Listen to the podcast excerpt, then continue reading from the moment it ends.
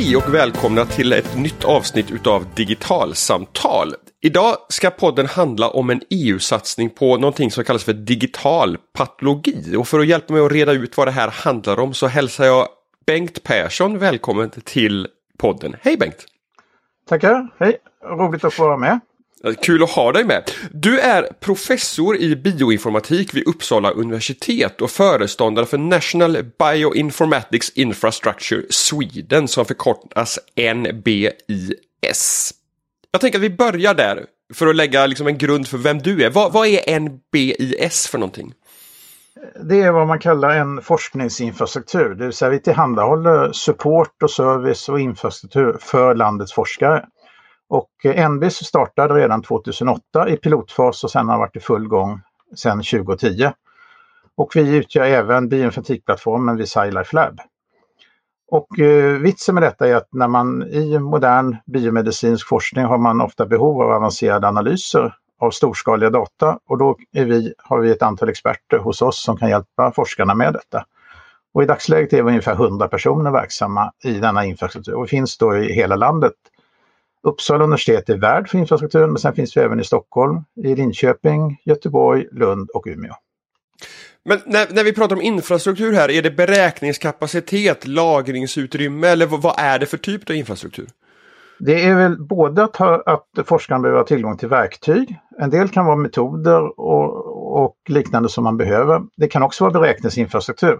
När det gäller just beräkning och lagring, då finns det en annan infrastruktur också i Sverige som heter SNIC, Swedish National Infrastructure for Computing, som har funnits sedan eh, mer än 20 år tillbaka. Och eh, vi i Enbis arbetar ganska tajt med SNIC, det vill säga SNIC tillhandahåller hårdvaran, beräkningsresurserna och lagringen.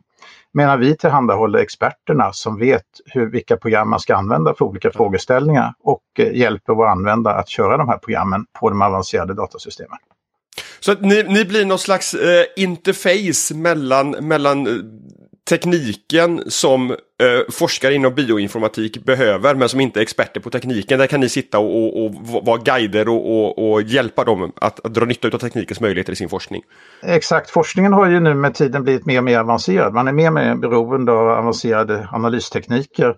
Och det är därför också SciLife Lab startade för tio år sedan för att tillhandahåller spetstekniker i Sverige och det är också en samordning på nationell nivå. Och en forskare kan inte vara expert på alla områden utan behöver de då specialexpertis inom bioinformatik så kan vi hjälpa till med den expertkunskapen. Mm. Eh, projektet som vi ska prata om idag, det här EU-projektet, det heter Big Picture och det handlar om digital patologi. Jag tänker att vi får bryta ner det här begreppet digital mm. patologi. Eh, om vi börjar med patologin, vad, vad är det egentligen? Ja, patologi är ett gammalt ord betyder bara sjukdomslära, det vill säga lära om sjukdomar och det är en eh, disciplin inom eh, läkarvetenskapen. Eh, ofta så är patologi idag att man tittar på eh, celler eller mikroskopiska snitt av vävnad för att på det viset diagnostisera exempelvis om det är en cancer. Man kan också bestämma vilken typ av cancer det är och eh, genom att bestämma det så kan man också avgöra vilken behandling patienten ska ha. Så, eh, och det här med sjukdomsnöd och eh, många, det här är något som har funnits lång tid tillbaka, att titta på vävnad i mikroskop. Och det som man nu gör digitalt är att man dessutom nu digitaliserar bilderna. Så istället för att bara titta på dem i ett vanligt mikroskop så kan man låta en dator titta på bilderna och man kan också använda datorn för att göra avancerade bildanalyser. Förstärka vissa områden, ändra ljussättning och sånt på samma sätt som alla som kanske har lekt med foton själva i Photoshop eller sånt vet att man kan förändra en del. På samma sätt kan man göra med de här digitala datorbilderna. Och på det viset kan man förbättra diagnostiken och se saker på ett bättre sätt. Just det, så att det, är där digitaliseringen då i digital patologi blir ett verktyg både för, för forskare och för, för kliniker helt enkelt. Ja, att, och det här är få mycket, en bättre förståelse har stor betydelse för klinikerna och dessutom så är det så att det är väldigt mycket lättare att skicka en digital bild för den skickar man via internet. En eh, vävnadsbild förr i tiden, då, eller med vanlig patologi, då är det eh, ofta ett snitt som ligger på en glasskiva. Och då ska de här glasskivorna skickas runt med vanlig post och det är ju pyssligt och tar längre tid.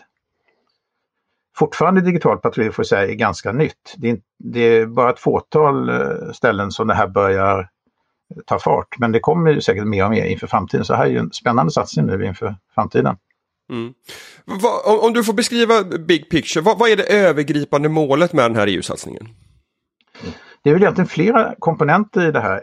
Men det övergripande målet är att kunna använda AI, artificiell intelligens eller konstgjord intelligens bättre vid diagnostik av patologibilder av sådana här vävnadssnitt.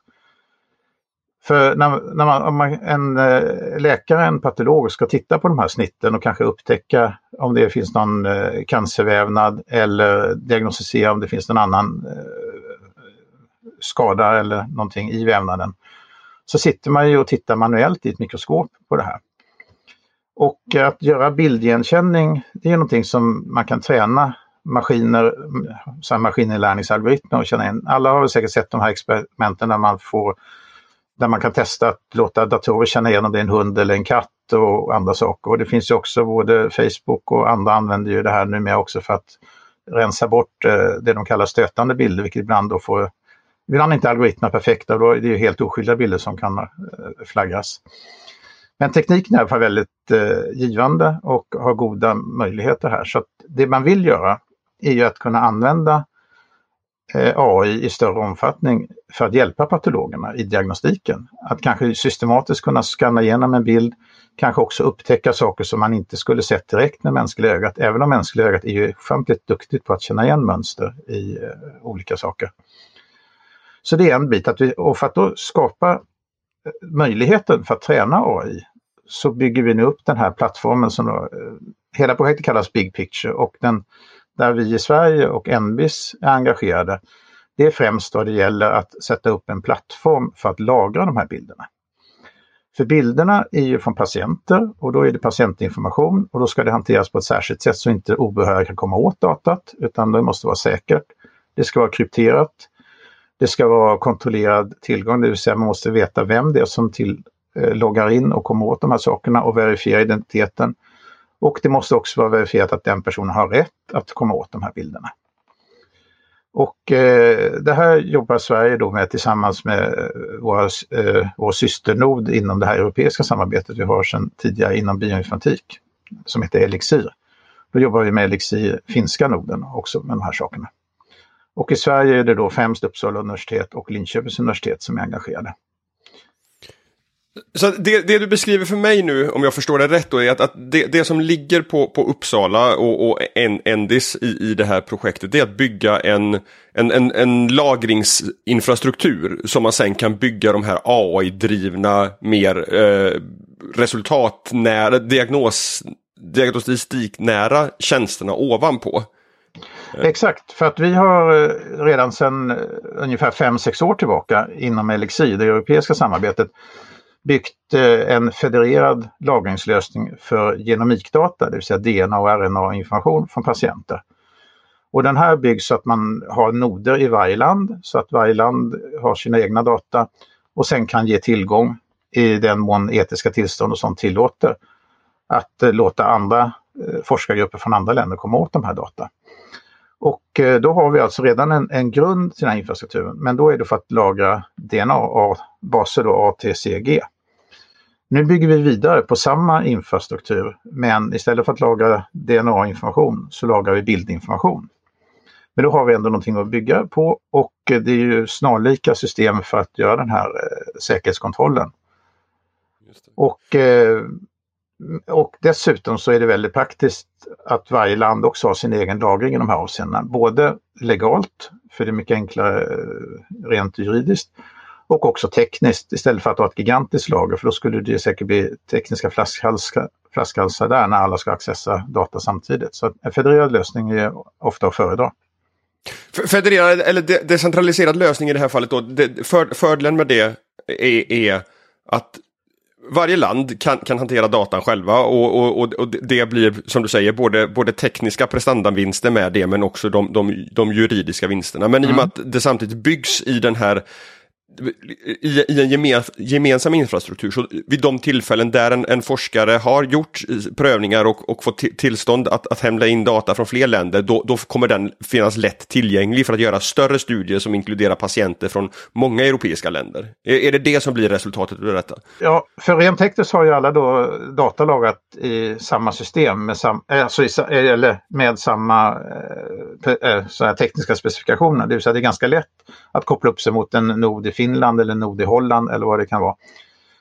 Och eh, sen är det också dessutom så att när man gör de här AI-träningarna så man vill ju helst inte flytta data så mycket utan ofta gör man nog så att man kommer ha beräkningsresurser nära lagringen. Och så låter man de här algoritmerna träna på data från olika håll och sen sätta ihop det. För det är ju den trend som är nu att eh, ska man flytta stora datamängder så tar det väldigt tid. Och då är det många gånger smartare att ha distribuerade algoritmer. Och där pågår också väldigt mycket forskning. Och det är en annan komponent då i det här big picture att också träna AI-algoritmer och utveckla AI-algoritmer. Men det ligger lite utanför det svenska intresset här för det här är ju ett paneuropeiskt projekt. Och jag kan också säga det är ett sånt här IMI-projekt som är ett Innovative Medicine Initiative. Så det är också många företag engagerade i det här och som är med och betalar en hel del. Och eh, företagen ser också en vinst i det här för de behöver ju eh, göra fler kliniska prövningar och har ju behov av de här teknikerna. Mm. Eh. Det, det du sa var att den här, den här e-, Elixir-plattformen eh, är byggd med den personliga integriteten som, som ett av liksom så fundamenten i den tekniska lösningen. Därför att DNA eh, sekvenser är en, en personinformation och därmed blir det känsligt hur, hur, vem som har tillgång till den här datan och när och hur och så vidare. Mm. Um, och det är ju någonting, det, alltså så här, att, att, DNA är personuppgifter, det vet vi utifrån mm. ja, så här, uh, hur polisen använder det i, i brottsutredningar och så vidare, att det här går att, koppla till mig som individ. Men, men de, de här vävnadsproverna, är, på, på vilket sätt är det integritetskänslig mm. Nej, det, det ligger under samma regelverk eftersom det kommer ju från individer.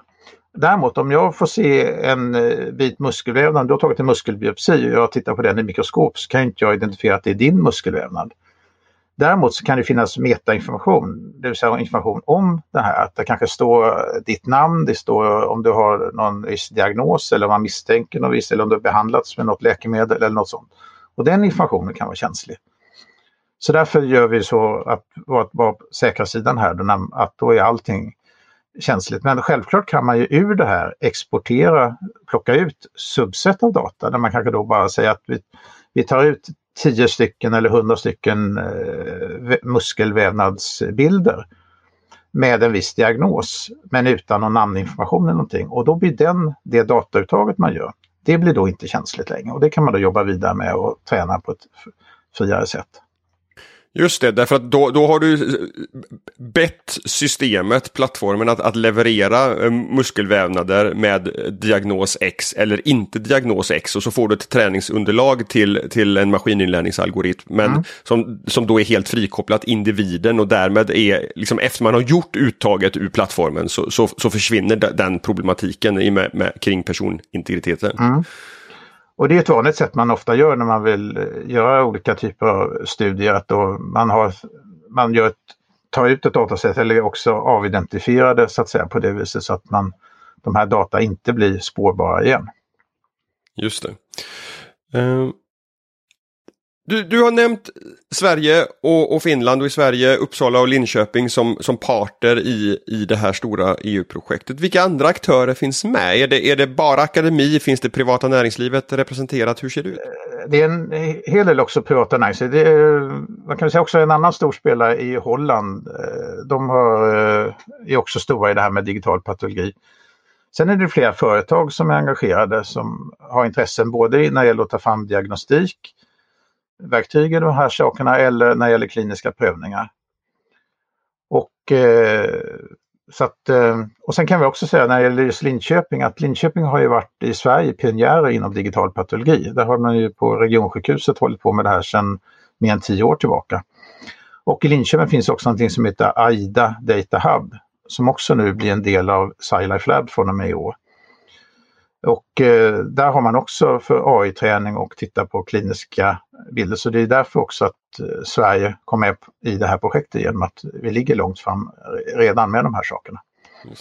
Sen eh, kan jag också tillägga att det här projektet löper under sex år. Så vi har precis bara börjat. Projektet startade första februari så vi har inte kommit jättelångt än.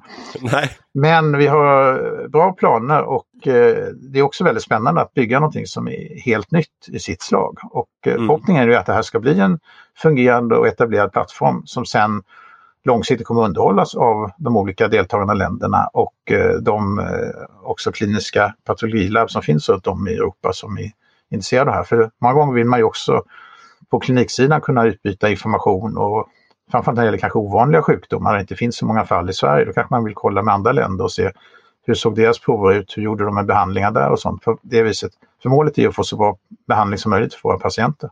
Mm. När, när, man sätter upp ett sånt här projekt, hur, hur, viktigt är den här mixen som, som du beskriver nu med, med, aktörer från flera olika länder och från både den akademiska sidan och från det privata näringslivet? Sk skulle är liksom den här bredden i sånt här projekt en, en, förutsättning för att det ska kunna bli av? Eller skulle en enskild aktör, skulle Uppsala och Linköpings universitet på, på, på egen hand kunna, kunna driva ett sånt här projekt? Det handlar väl mycket dels om att man vill ha, primärt är det kompetenserna man vill åt. Så mm. Och då finns det ju ett begränsat antal som är duktiga på det här inom digital patologi. Och det är det, det som började med kärnan. Sen när man då tittar man ju runt vad jag förstod att vilka är det som håller på med lagringslösningar som skulle kunna vara något snarlikt. Och vi vill ju ha också en lösning som är öppen. Annars skulle man kunna tänka sig att ett företag bygger det här. Men då är man ju kanske fast i att det företaget måste man då köpa licenser för år, år efter år. Här vill vi ha en lösning som är öppen som alla kan använda. Men, eh, och då var det på det viset som då Envis och eh, den finska Elixinoden kom med som vi då mm. har jobbat mycket med det andra DNA-lagringssystemet. Sen företagen är ju med också av flera skäl. Dels vill de ju, är de ju med och har frågeställningar och intresse där. Sen är det ju en ekonomisk fråga. Det här är inte helt gratis att bygga ett sånt här system. Så att eh, då behövs det ju pengar och det är ju både från EU och från de deltagande företagen.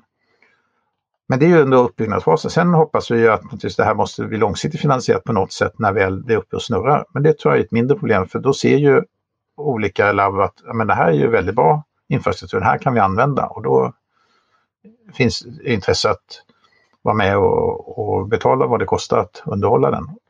Och ofta kostar det ofta mer att bygga upp någonting än att sen när det går över en underhållsfas. Att, att det, det, det, det, är det som ligger i, i projektets förlängning. Det, är tidsbegränsat på sex år men, men målet är ändå att det i slutändan ska vara något som är produktionssatt som faktiskt ja. används i den kliniska verksamheten. Hur, vad, hur påverkar det hur man, hur man jobbar med den här utvecklingsarbetet under de här sex åren? Att det faktiskt eh, inte är sen, ja, men sen går vi i mål och börjar med något nytt utan att det ska vara någonting som, som lever vidare.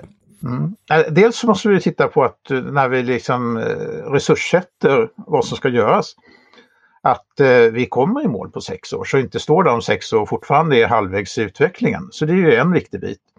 Men där har vi gjort realistiska bedömningar och känner det. Sen är det också, finns det ju flera milstolpar under resans lopp. Så att jag menar, först ska vi bygga upp den här och det är de första två åren ungefär vi jobbar med det. Sen ska det här börja köras i mindre skala. Och då blir det ju liksom som en pilotimplementering redan där och då märker man ju hur bra det funkar och så ser man kanske att det får några flaskhalsar för dataöverföring här eller där eller man ser att det här gränssnittet mot användarna måste man förbättra eller vad det nu kan vara. Och då har vi ytterligare några år för den biten att göra. Och sen successivt under resans lopp kommer också lagringen att byggas ut för att lagra bilder. För bilder tar ju rätt mycket plats så det kommer bli en stor lagring rent fysiskt med hårddiskar och liknande. Men initialt har vi ett mindre antal bilder för att liksom bygga upp själva eh, strukturen och eh, få allting på sin plats. Och sen finns det också ett arbetspaket i det här Big Picture som strävar till att göra den här, vad man kallar sustainability, en långsiktighet och få det här att, att så att säga Eh, bli... Och sen vem som ska ta över det rent eh, juridiskt och organisatoriskt, det är inte klart än och det får man också titta på. Finns det organisatoriska modeller? Man kan ju tänka sig att antingen landar det i någon existerande infrastruktur, kanske Elixir eller det finns infrastruktur för bildbehandling Det finns också kliniska infrastruktur. Man bygger någonting som heter European Health Data Space som nu är precis i sin linda men man ska ha något paraply för hälsodata för att underlätta att patienter ska kunna resa mellan, inom Europa och att journalen, om jag blir sjuk i Grekland så ska ett grekiskt sjukhus kunna läsa min journal i, från Sverige. Idag kan man knappt läsa journalen inom samma region men eh, inom några år är tanken att det här ska vara och det ligger också i EU-direktiven med fri rörlighet. Det. Och det här kommer nog också hjälpa till att sätta standarder och få mer kompatibilitet vilket ju är bra både för kliniska verksamheter och för forskningen. Mm. Och då kanske det blir så att det här big picture när det blir den stadiga att det kanske blir en del av det här europeiska hälsodatasystemet. Just det.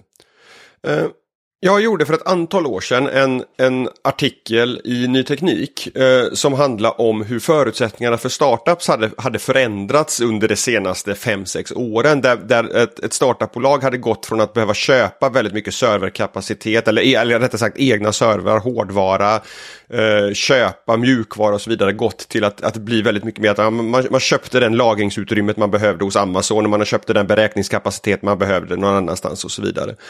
Eh, när man riggar ett sånt här projekt som ska hantera den här typen av utav kritisk hälsoinformation som både är personuppgifter och som också är, är eh, kopplat till hälsa och, och, och, viktiga beslut. I vilken stor utsträckning, eller hur stor utsträckning kan ni använda er utav befintliga lagringstjänster som, som eh, tillhandahålls på den öppna marknaden och, och mm. programbibliotek fr, äh, från, från öppen källkods-communityn eller från, från kommersiella leverantörer och hur mycket utav både hårdvara hur mycket hårdvara behöver ni äga själva? Hur mycket egen mjukvaruutveckling är det i ett sånt här projekt?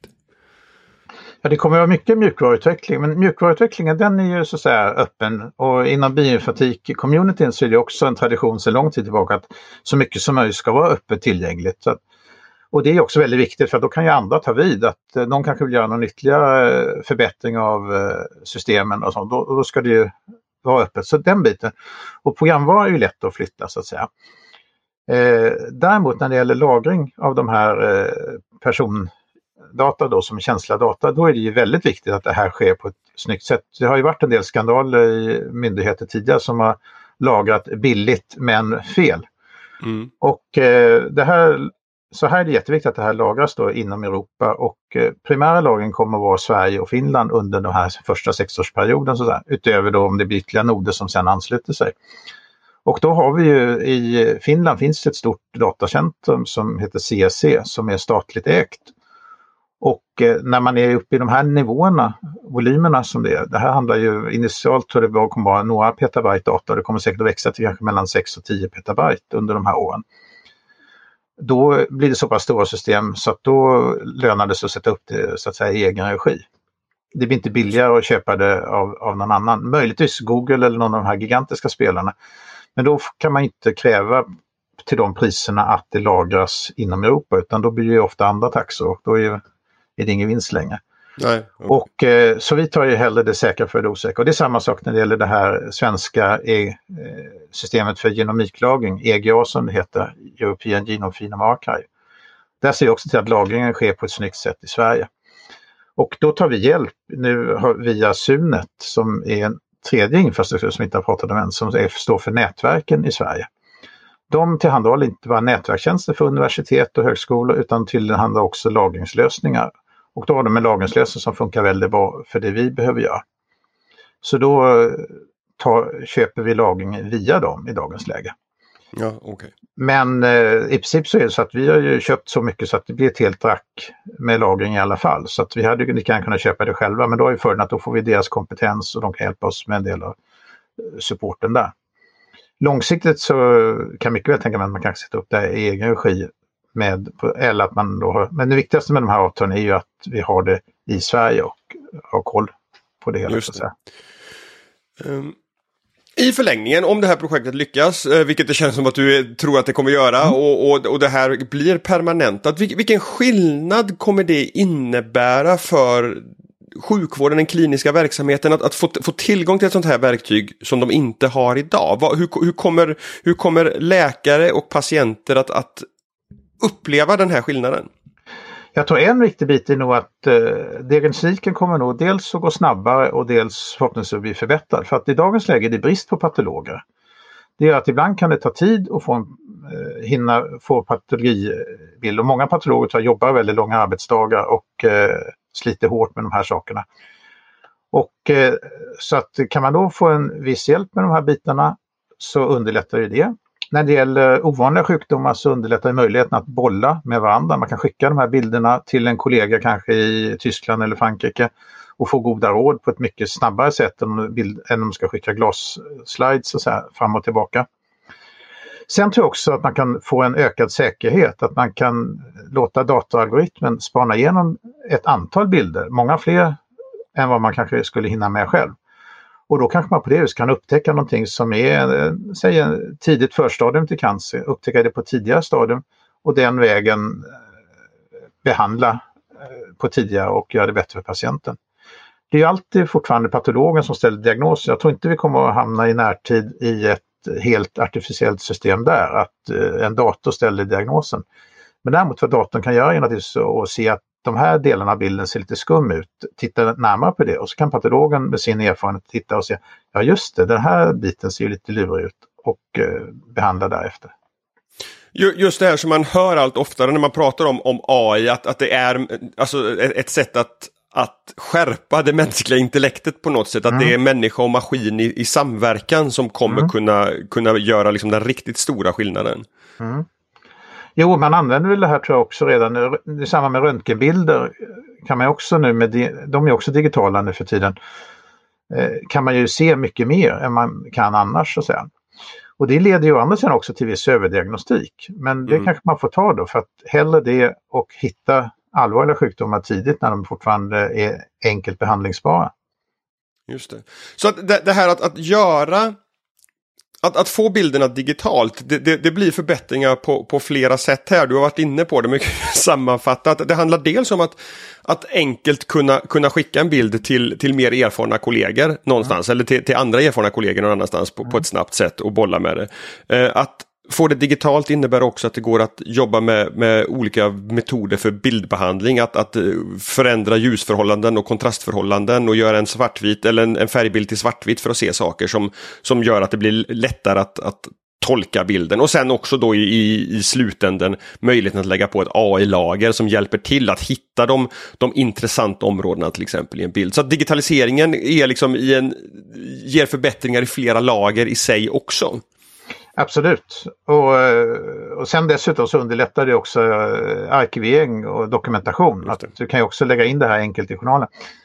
Däremot är det fortfarande så att även om man, för när man jämför när man digitaliserar röntgen, då är det så att om man tar datortomografi, då kommer ju de signalerna och digitaliseras så direkt i systemet. När det gäller eh, vävnadssnitt så är det fortfarande att du tar ett fysiskt vävnadsprov. Just det. Och sen, så du, har ju, du får ju ett extra moment och det är ju själva digitaliseringen när du skannar de här bilderna. Och det finns avancerade scanners för det här för det ska ju vara med hög upplösning, ofantligt mycket högre än vad man tar när man bara skannar några semesterbilder från eh, 20 år tillbaka. Så att, eh, och, och, det är naturligtvis en investering att göra. Och, så det blir väl initiala kostnader för de labb som går över till det här men det är ju fortfarande så många fördelar som du nämnde som är i, i, i framtiden då med att ha det här digitalt. Just det, men, men, men till skillnad från, från de radiologiska undersökningarna så kvarstår ändå ett, ett manuellt moment där man ska digitalisera eh, provet. Ja, jag tror till och med att det är automatiserat liknande som det finns så här för att scanna diabilder där du sätter in ja, diamagasin och säger det smack, smack, smack och så tar de in mm. en i taget. Jag tror att det är liknande på de här eh, bilden att man lägger ett antal glasslides i en, ett, ett fack och så skannar systemet en i taget. Um, om vi blickar sex år fram i tiden tills när, när ni ska gå till mål. Vilka, vilka är de största utmaningarna som ni behöver liksom så här, övervinna på den här resan för att visionen om vad Big Picture ska resultera i faktiskt också blir verklighet? Ja, dels ska vi lyckas med den systemutveckling som behöver göras. Men där har vi inom NBIS har vi väldigt många duktiga systemutvecklare som vi har lyckats rekrytera till oss och som är stora talanger och också tycker det är kul att jobba med sådana här saker inom eh, livsvetenskaperna. Så det är ju en bit så att säga, att få det. Sen blir det ju naturligtvis spännande utmaning att se det här när man då i praktiken ska skicka bilder fram och tillbaka. Mm. Och man kanske måste göra komprimeringsalgoritmer eller andra smarta lösningar för att få det, eh, Eh, för att, få det att skickas under rimlig tid. Så att säga. Och eh, sen blir det säkert en del organisatoriskt hur man ska lägga upp det här och eh, sen diskuteras också lite grann äganderätt för bilderna och, och sådana saker. Men normalt sett är det ju det sjukhus där bilderna är, är, kommer ifrån som liksom har äganderätten.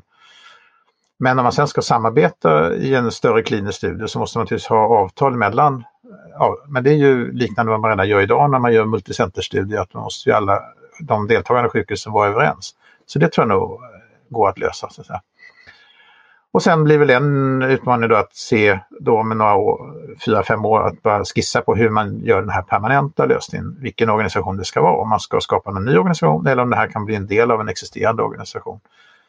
Och sen det finns ju alltid möjlighet att det blir viss politik hit och dit, att det finns ju flera intressenter i det här. Men jag tror att, jag hoppas att man får sunt förnuft att råda och att liksom man vill ha en verksamhet som ska vara vettig för alla inblandade. Och som i slutändan kommer, kommer patienter till, till nytta helt enkelt. Exakt.